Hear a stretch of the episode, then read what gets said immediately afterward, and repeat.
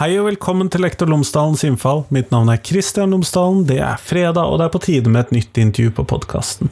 Jeg lovet jo egentlig at dette skulle bli en repriseepisode, men det er det nå engang ikke blitt. Og jaggu blir det ikke det neste fredag heller, fordi at jeg fikk to ekstra episoder inn.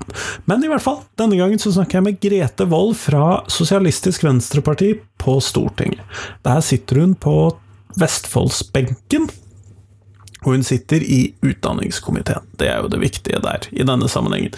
Og vi snakker rett og slett om den nye opplæringsloven, og jeg får noen kommentarer fra henne på eh, SV sine standpunkter og synspunkter knyttet til da denne loven. Så kan det være at vi følger opp dette med noen av de andre partiene òg, det tror jeg ville være gøy.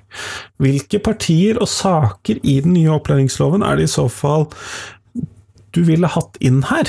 Altså, hva vil du at jeg skal ta med i podkasten? Send meg en mail om det, jeg skal minne deg på det i avslutningen også. Eh, ellers, podkasten er som vanlig sponset av Fagbokflagget, og visste du at Fagbokflagget har gitt ut en metodebok om forskningsoversikter? Så når du skal skrive en bacheloroppgave, masteroppgave eller kanskje en doktorgradsavhandling, så har du utrolig mye informasjon, og du må finne ut hva som er viktig for deg, og da kan det være at du trenger den boka. Boka heter Forskningsoversikter i utdanningsvitenskap, og de anbefaler den til alle studenter studenter på lærerutdanningene og innenfor andre pedagogiske fag. Så det er det. Men nå, nå skal du få høre Grete. Vær så god.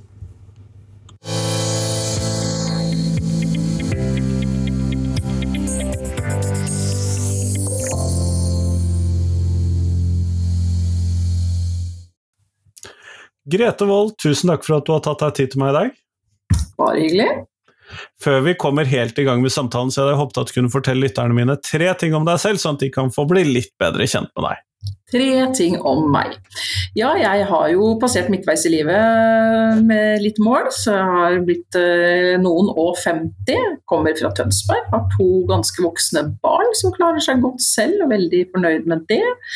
Jeg uh, ser meg sjøl til å være litt sånn uh, Vestfold-person. Uh, bor i Tønsberg nå, har egentlig jobb i Sandefjord kommune. Har bodd veldig mange år i Holmestrand kommune, så nå er jo Vestfold et lite fylke. Så jeg føler meg litt som sånn Vestfold-jente, egentlig. Mm.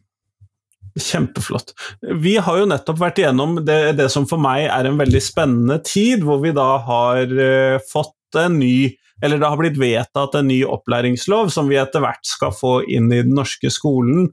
Og da jeg så jo deg en del på talerstolen i løpet av stortingsdebatten knyttet til dette. og eh, Da vil jeg gjerne vite, hva tenker SV og du om eh, ny opplæringslov og det at vi nå har fått den og innholdet i den osv.? Nå ble jeg, eh, for å si det på litt eh, folkelig språk, kastet inn i eh, utdanningskomiteen. Fem på tolv når man skulle vedta kanskje tidenes største NOU. Så det er klart at jeg må legge som et premiss at jeg kan ikke detaljene i denne loven. I hvert fall ikke på et nivå som har noe lytterinteresse. Men det er klart at for det første så må jeg jo si at det er jo fantastisk spennende når man nå endelig etter hvert kanskje begynner å sette seg litt mer inn i det. Og nå har vi jo fått en eh, lov, eh, som du sier, den skal etter hvert eh, settes i verk. Og så kommer man til å gjøre seg noen erfaringer. Og så kommer det jo allerede, nå er varsla en tilleggsproposisjon. Eh, så det er klart at denne loven den er ikke hugget i sten en gang for alle, den heller.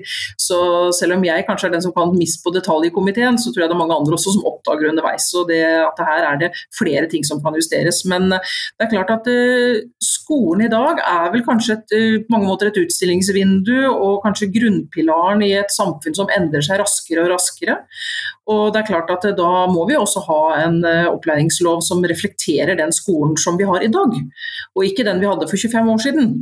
Så, sånn sett så var det på høy tid å få en helhetlig og god ny opplæringslov. Så Summa summarum så er veldig mye av denne, i denne loven her er bra og helt påkrevde endringer som tilpasser seg den virkeligheten vi, vi lever i i 2023. Og forhåpentligvis i noen år til fremover i hvert fall. Ja, så må vi jo kanskje være ærlige om at dette er jo ikke en revolusjon, det er jo mer et hva skal vi kalle et nytt nullpunkt ut ifra et utgangspunkt. absolutt, absolutt. Så det er klart at uh, her har vi jo det er jo mye bra i norsk skole, det er jo ikke noe tvil om. Og sånn sett er det ikke alt som trenger å revolusjoneres heller. Men uh, det er åpenbart ikke noe revolusjon. Og, men, uh, men, det er justeringer i forhold til den virkeligheten vi er i. Og samtidig så tydeliggjør det jo på en måte noen rettigheter. og og en ansvarsfordeling på kanskje en bedre måte enn det vi har hatt tidligere. Så det tenker jeg er, bra.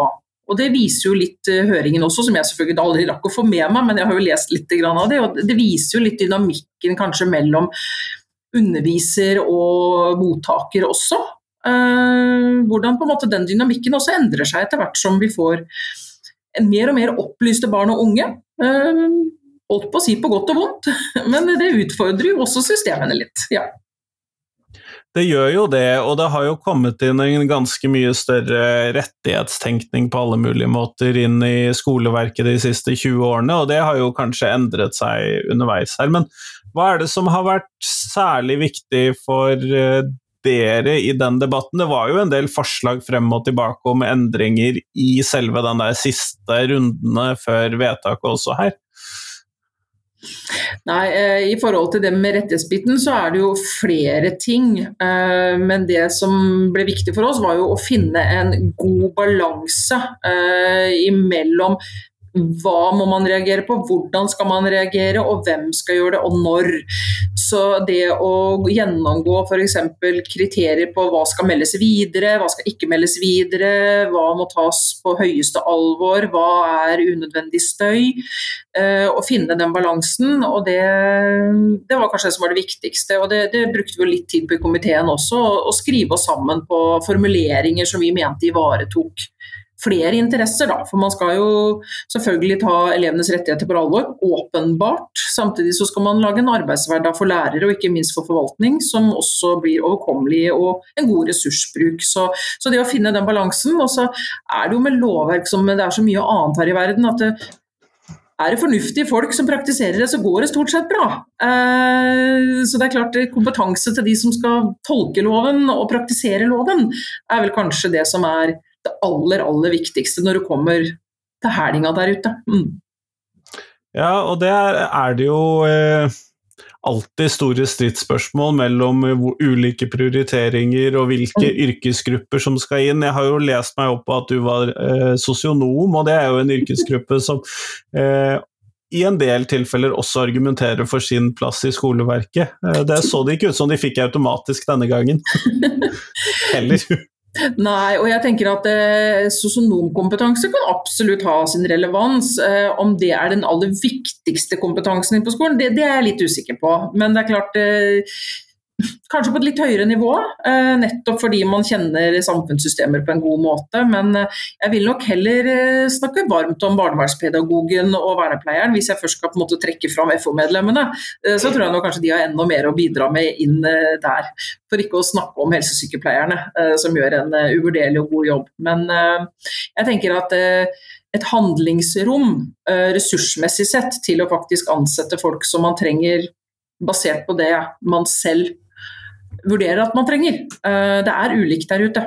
Så jeg tenker jo at det er kanskje det, det, aller aller viktigste, å gi det handlingsrommet. Og det er klart Vi, vi kommer jo ikke forbi diskusjonen om at det også blir et ressursspørsmål uh, på et eller annet sted i denne prosessen.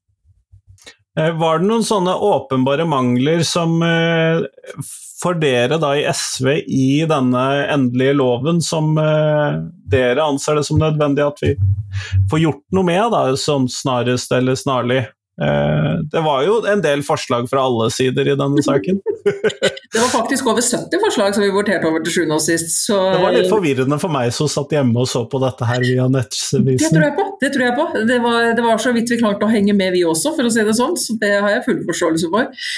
Eh, åpenbare mangler eh, Jeg vet ikke om jeg sånn umiddelbart tenker på sånne store åpenbare mangler, men det er klart det er et forbedringspotensial på tilrettelegging, universell utforming, ivaretakelse av elever med ulike behov. Kanskje spesielt inn i den digitale skolehverdagen som vi etter hvert eh, har, og kanskje også i større grad får. Jeg er på ingen måte noen motstander av digitale læremidler, men det er klart vi, vi har noen grupper som ikke har profittert på den utviklingen vi har hatt. Synshemmede, hørselshemmede. Så det er klart at, at vi skulle hatt et noe sterkere vern der, og sterkere føringer på det, er nok kanskje en av de områdene som jeg tenker vi kan jobbe med også når neste runde kommer. Absolutt. Så, så, er det klart at det med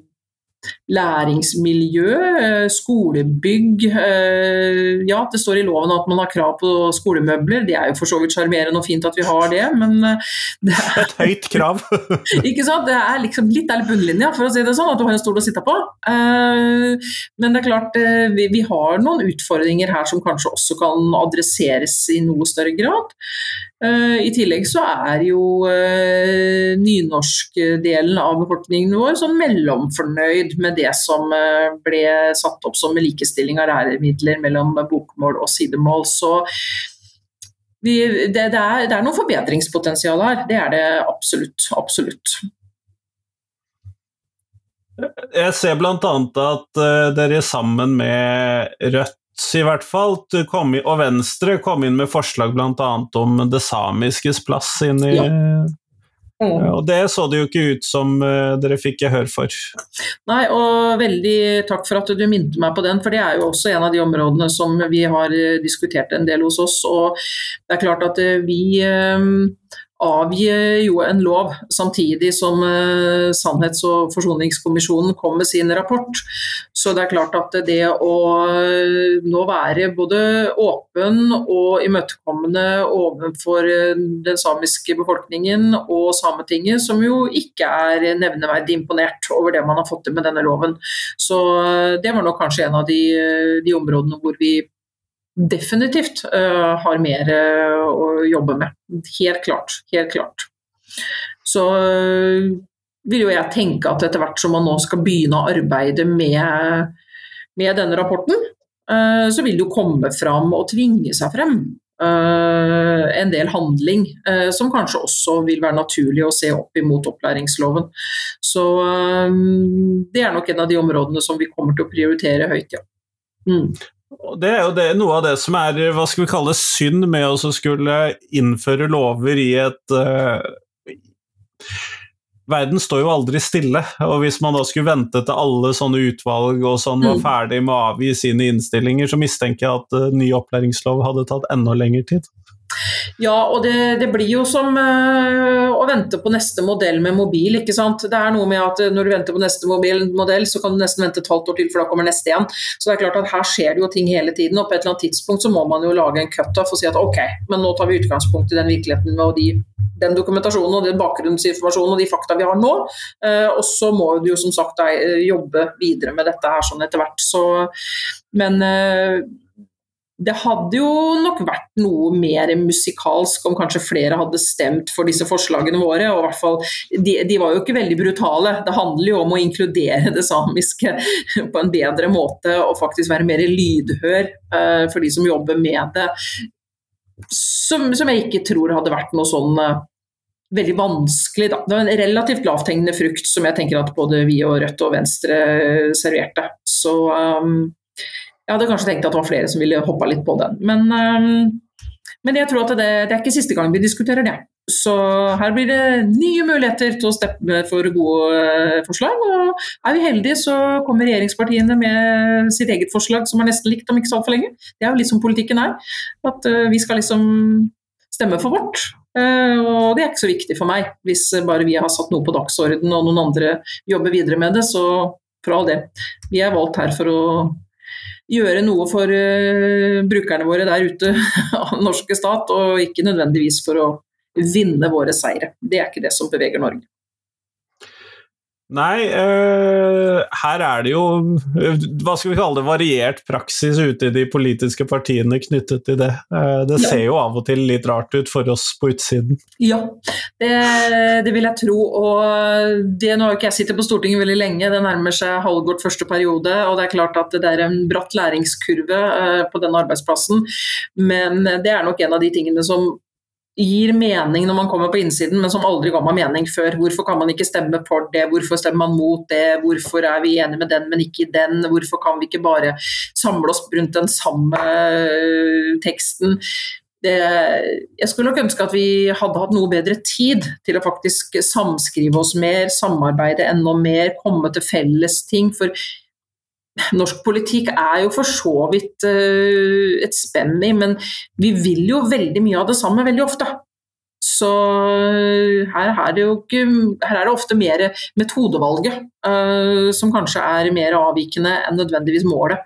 Så hadde vi hatt enda litt bedre tid og kunne samskrive oss mer, så tror jeg nok vi også utad hadde fremstått enda mer samkjørte. Og Når det er sagt, så må det også sies at når vi jobber sammen her, så jobber vi sammen. Eh, det som kommer frem ofte i media og på talerstolen, det er jo der vi er forskjellige. Det er jo der vi skal markere oss at vi er ulike partier som vi skal selge ut til velgerne våre der ute. Eh, på huset her så, så driver vi ikke valgkamp. Eh, her forsøker vi faktisk å få til god politikk. Men det er ikke bestandig det som syns utad. Nei, det er jo ikke det. det. Vi klarer jo ikke å se gjennom de veggene på så god måte. Nei. så er det jo noen tydelige spørsmål. Det var jo I løpet av denne prosessen så var det jo bl.a. slik at uh, hjemmeundervisning holdt på å bli søknadspliktig, bl.a. Uh, som en del av dette. Men det ser, jeg, ser ut som at uh, fortsatt er sånn som før, at det er valgfritt for de foresatte. Hva tenker du om det? Jeg tenker at det er greit, og jeg tror at vi er i en fase nå hvor vi kanskje må prøve oss frem litt. Og jeg tror det er veldig farlig å bli for absolutt og for, eh, for bombastisk, verken den ene eller den andre retningen. Eh, vi har en, tatt et kvantesprang i forhold til å kunne bruke digitale medier og fjernundervisning og veldig mye bra med det, og så får vi kanskje en litt sånn backlash nå hvor vi kanskje er litt redd for at det blir for mye av det, og alt vi taper ved å gjøre det. Men eh, nå må vi ha tunga rett i munnen og faktisk eh, klare å manøvrere i det landskapet vi er i. Eh, trekke ut fordelene, bruke dem på en god måte, og samtidig klare å demme opp for ulempene. Så jeg tror vi må tåle å være i en sånn fase nå hvor vi ikke tar noen absolutte beslutninger eh, på de områdene. Det, det, tror jeg rett og slett vi må tåle. Mm. Og Det er jo krevende å skulle ta oss og finne dette. Blant annet dette med fraværsgrensen har jo vært noe av det som uh, har ligget inne som stridsspørsmål her. Og jeg er egentlig ikke veldig i tvil om hva SV tenker om fraværsgrensen. Det, jeg har ikke opplevd dere som de som har støttet den mest. Nei, nei. um, ikke i det hele tatt. Det som blir veldig spennende nå, da. nå hadde vi et forslag inne i opplæringsloven om å fjerne fraværsgrensa. Vi fikk jo sånn sett ikke nok støtte for det, ei heller fra Arbeiderpartiet, øh, selv om de på en måte hadde et, et ganske snilt øh, vedtak fra sitt landsmøte rett i forkant. Men øh, nå er nå engang politikken også sånn at ting må jobbe seg gjennom systemene. Så jeg har forståelse for at man ikke sånn umiddelbart kunne hoppe på den. Det jeg er litt spent på, er hva statsråden nå velger å gjøre. For man har sagt at man skal finne et alternativ til dagens fraværsgrense. Men samtidig så signaliserer jo statsråden eh, også i debatten på NRK er ganske tydelig på at eh, et strengt eh, fraværsreglement skal vi allikevel ha. Og da er vi jo veldig spente på å følge med på nå hva, hvordan vil det se ut. Og så er hun tydelig på at hun ønsker å skjerme fastlegen og helsevesenet, og den er for så vidt grei. Men det er jo ikke så store endringer til, som skal til for å kunne gjøre det. Eh, den kan allikevel være både absolutt og oppleves urimelig og skjevfordelende. Så spørsmålet er både hva slags reglement er det man da lander på. SV er jo heller ikke imot å ha et fraværsreglement. Eh, vi skal ikke ha drop-in. Så det er klart at vi eh, ønsker selvfølgelig også at her må det jo være noen rammer, sånn det er i arbeidslivet og alle andre steder. Men kanskje må vi ta inn over at verden endrer seg litt. Jeg synes jo fleksiordninger som man prøver seg på nå i noen Oslo-skoler f.eks. Og teste litt ut, hvor man kan opparbeide seg pluss- og minustid. Uh, hvor krevende blir det, hvor vanskelig blir det, hvilke fordeler gir det. Jeg tenker jo at uh, vi skal ta på alvor at vi har en bevisst og etter hvert mer og mer voksen elevgruppe som faktisk også kan utfordres til å ta litt ansvar for egen læring. Og så må ikke det skli ut.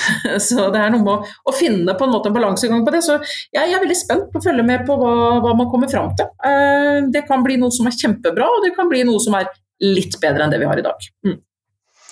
Noe av det som er mest krevende, i hvert fall ser det ut som i noen av disse lærerforumene som jeg er, og i de skolesammenhengene jeg er, så ser det ut som denne problemstillingen knyttet Og det henger jo sammen med fraværsgrensen. Men uh, disse som da opplever uh, ufrivillig skolefravær, skolevegring, hvilket begrep vi nå skal bruke på det. Uh, og det er jo en vanskelig utfordring både med og uten ny opplæringslov. Mm. Så jeg er litt usikker på hva spørsmålet mitt var i det, men jeg lurte på om du hadde noen tanker i, om ja. det i tilknytning til dette? Jeg syns det er veldig vanskelig, også fordi at jeg eh, opplever nok at man har en litt sånn fellesbenevnelse på skolevegring, eh, som jeg tenker kan handle om alt ifra har så mye hodepine pga. dårlig ventilasjon i klasserommet at jeg orker ikke å være der, eh, til eh, alvorlig begynnende psykisk problematikk som faktisk eh, krever sterk og god helsehjelp, til hjemmeforhold hvor man ikke har foresatte som kanskje klarer å lage de rette rammene og skape de positive forventningene til det å gå på skolen. Så, så her har du på en måte et kjempestort spenn. Og jeg tror at det her er jo laget rundt eleven også litt av, av nøkkelen. Eh, og tett samarbeid med foreldre, hjem, eh, en miljøarbeider. Prøve i hvert fall å finne ut hva er det det handler om, og hvordan kan vi sånn sett møte det. For jeg, jeg tror Uten å vite hva spørsmålet er, så kan vi ikke finne svaret heller. Eh, så vi må på en måte først finne ut av hvor, hvor er hunden begravet. Uh, og jeg tror jo at uh, alle barn og unge i utgangspunktet ønsker sosialt fellesskap, i utgangspunktet ønsker å gå på skolen og i utgangspunktet ønsker å lære, og ikke minst mestre. Og så kan det være ulike grunner til at man velger det bort, og da tenker jeg da må vi finne litt ut av hvorfor det. Så jeg har nok tro på dialog og samarbeid mer enn mer tvang.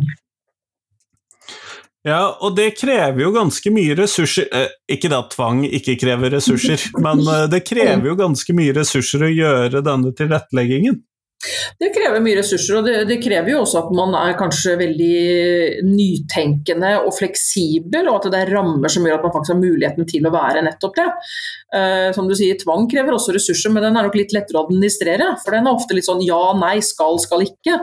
Uh, det øyeblikket man skal gå inn i en dialog med noen, uh, bygge relasjonskompetanse, prøve å bygge et lag, samhandle med andre etater som kanskje jobber på litt annet mandat enn det du selv gjør, så er det klart at det utfordrer. Det er det ikke noe tvil om.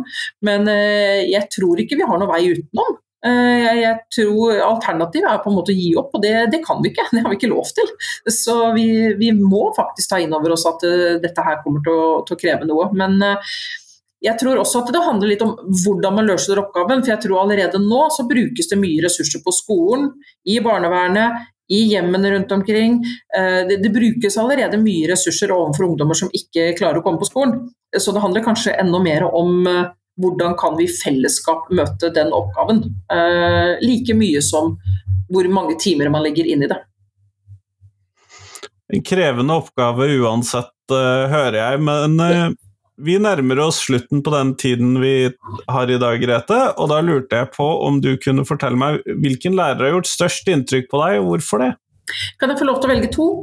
De fleste gjør det, helt ærlig. Ikke sant. Nei, eh, det er nok to lærere som, eh, som, man husker veldig veldig godt. Og det er, første er nok min eh, første lærer i første klasse. Hun var utrolig imøtekommende, litt streng.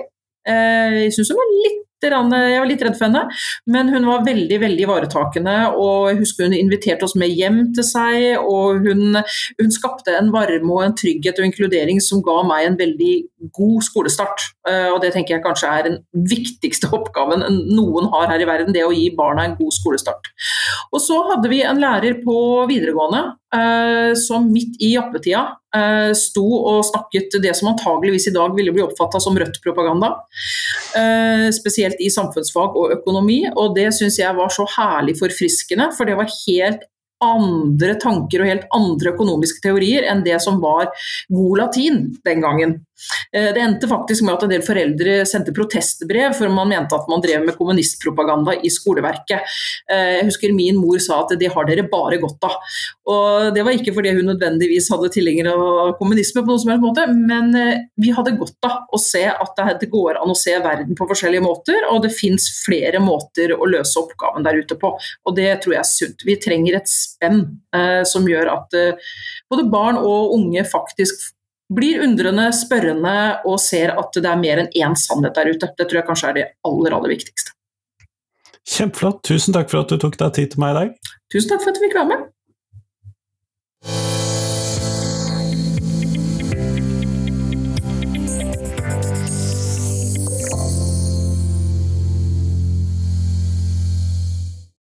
Tusen takk til Grete, og tusen takk til deg som hørte på. Nå er det fram til tirsdag, så kommer det et nytt intervju på podkasten. Og så lovet jeg allerede i stad, når jeg åpnet episoden, at det kommer en ekstraepisode neste fredag òg. Det gleder jeg meg til. Det er med Rafto, om hva som er bra rasismeundervisning. Så det gleder jeg meg til. Men i hvert fall, det jeg sa før jeg begynte opp podkastepisoden, var hvis jeg skal ha med noen andre kommentarer til ny opplæringslov, snakke med de andre politiske partiene, hvem tenker du at jeg bør prate med, og hvilke tema tenker du at jeg bør prate om? Hva er det som kom inn i loven som ikke burde være der, eller som du er veldig fornøyd med at er der? Hva er det som ikke kom inn i loven, og som du mener at vil, burde vært der? Eventuelt, hva kom ikke inn i loven, og du er fryktelig glad for at det ikke kom dit, og hvorfor det? Eh, Altså, hvem skal jeg prate med, hva skal jeg prate om? Send meg tips. Dette tror jeg er det mest konkrete forespørselen min til eh, episodetips noensinne. Så prøv å se om du kan sende meg noen tips der, hvis du har lyst til å høre andre av stortingspolitikerne snakke om ny opplæringslov. Men nå, nå får du ha en fin sommer. Kos deg i sommervarmen. Her i Bergen er det i hvert fall strålende vær i dag, så det gleder jeg meg til. Men nå, ha en fin dag videre. Hei, hei.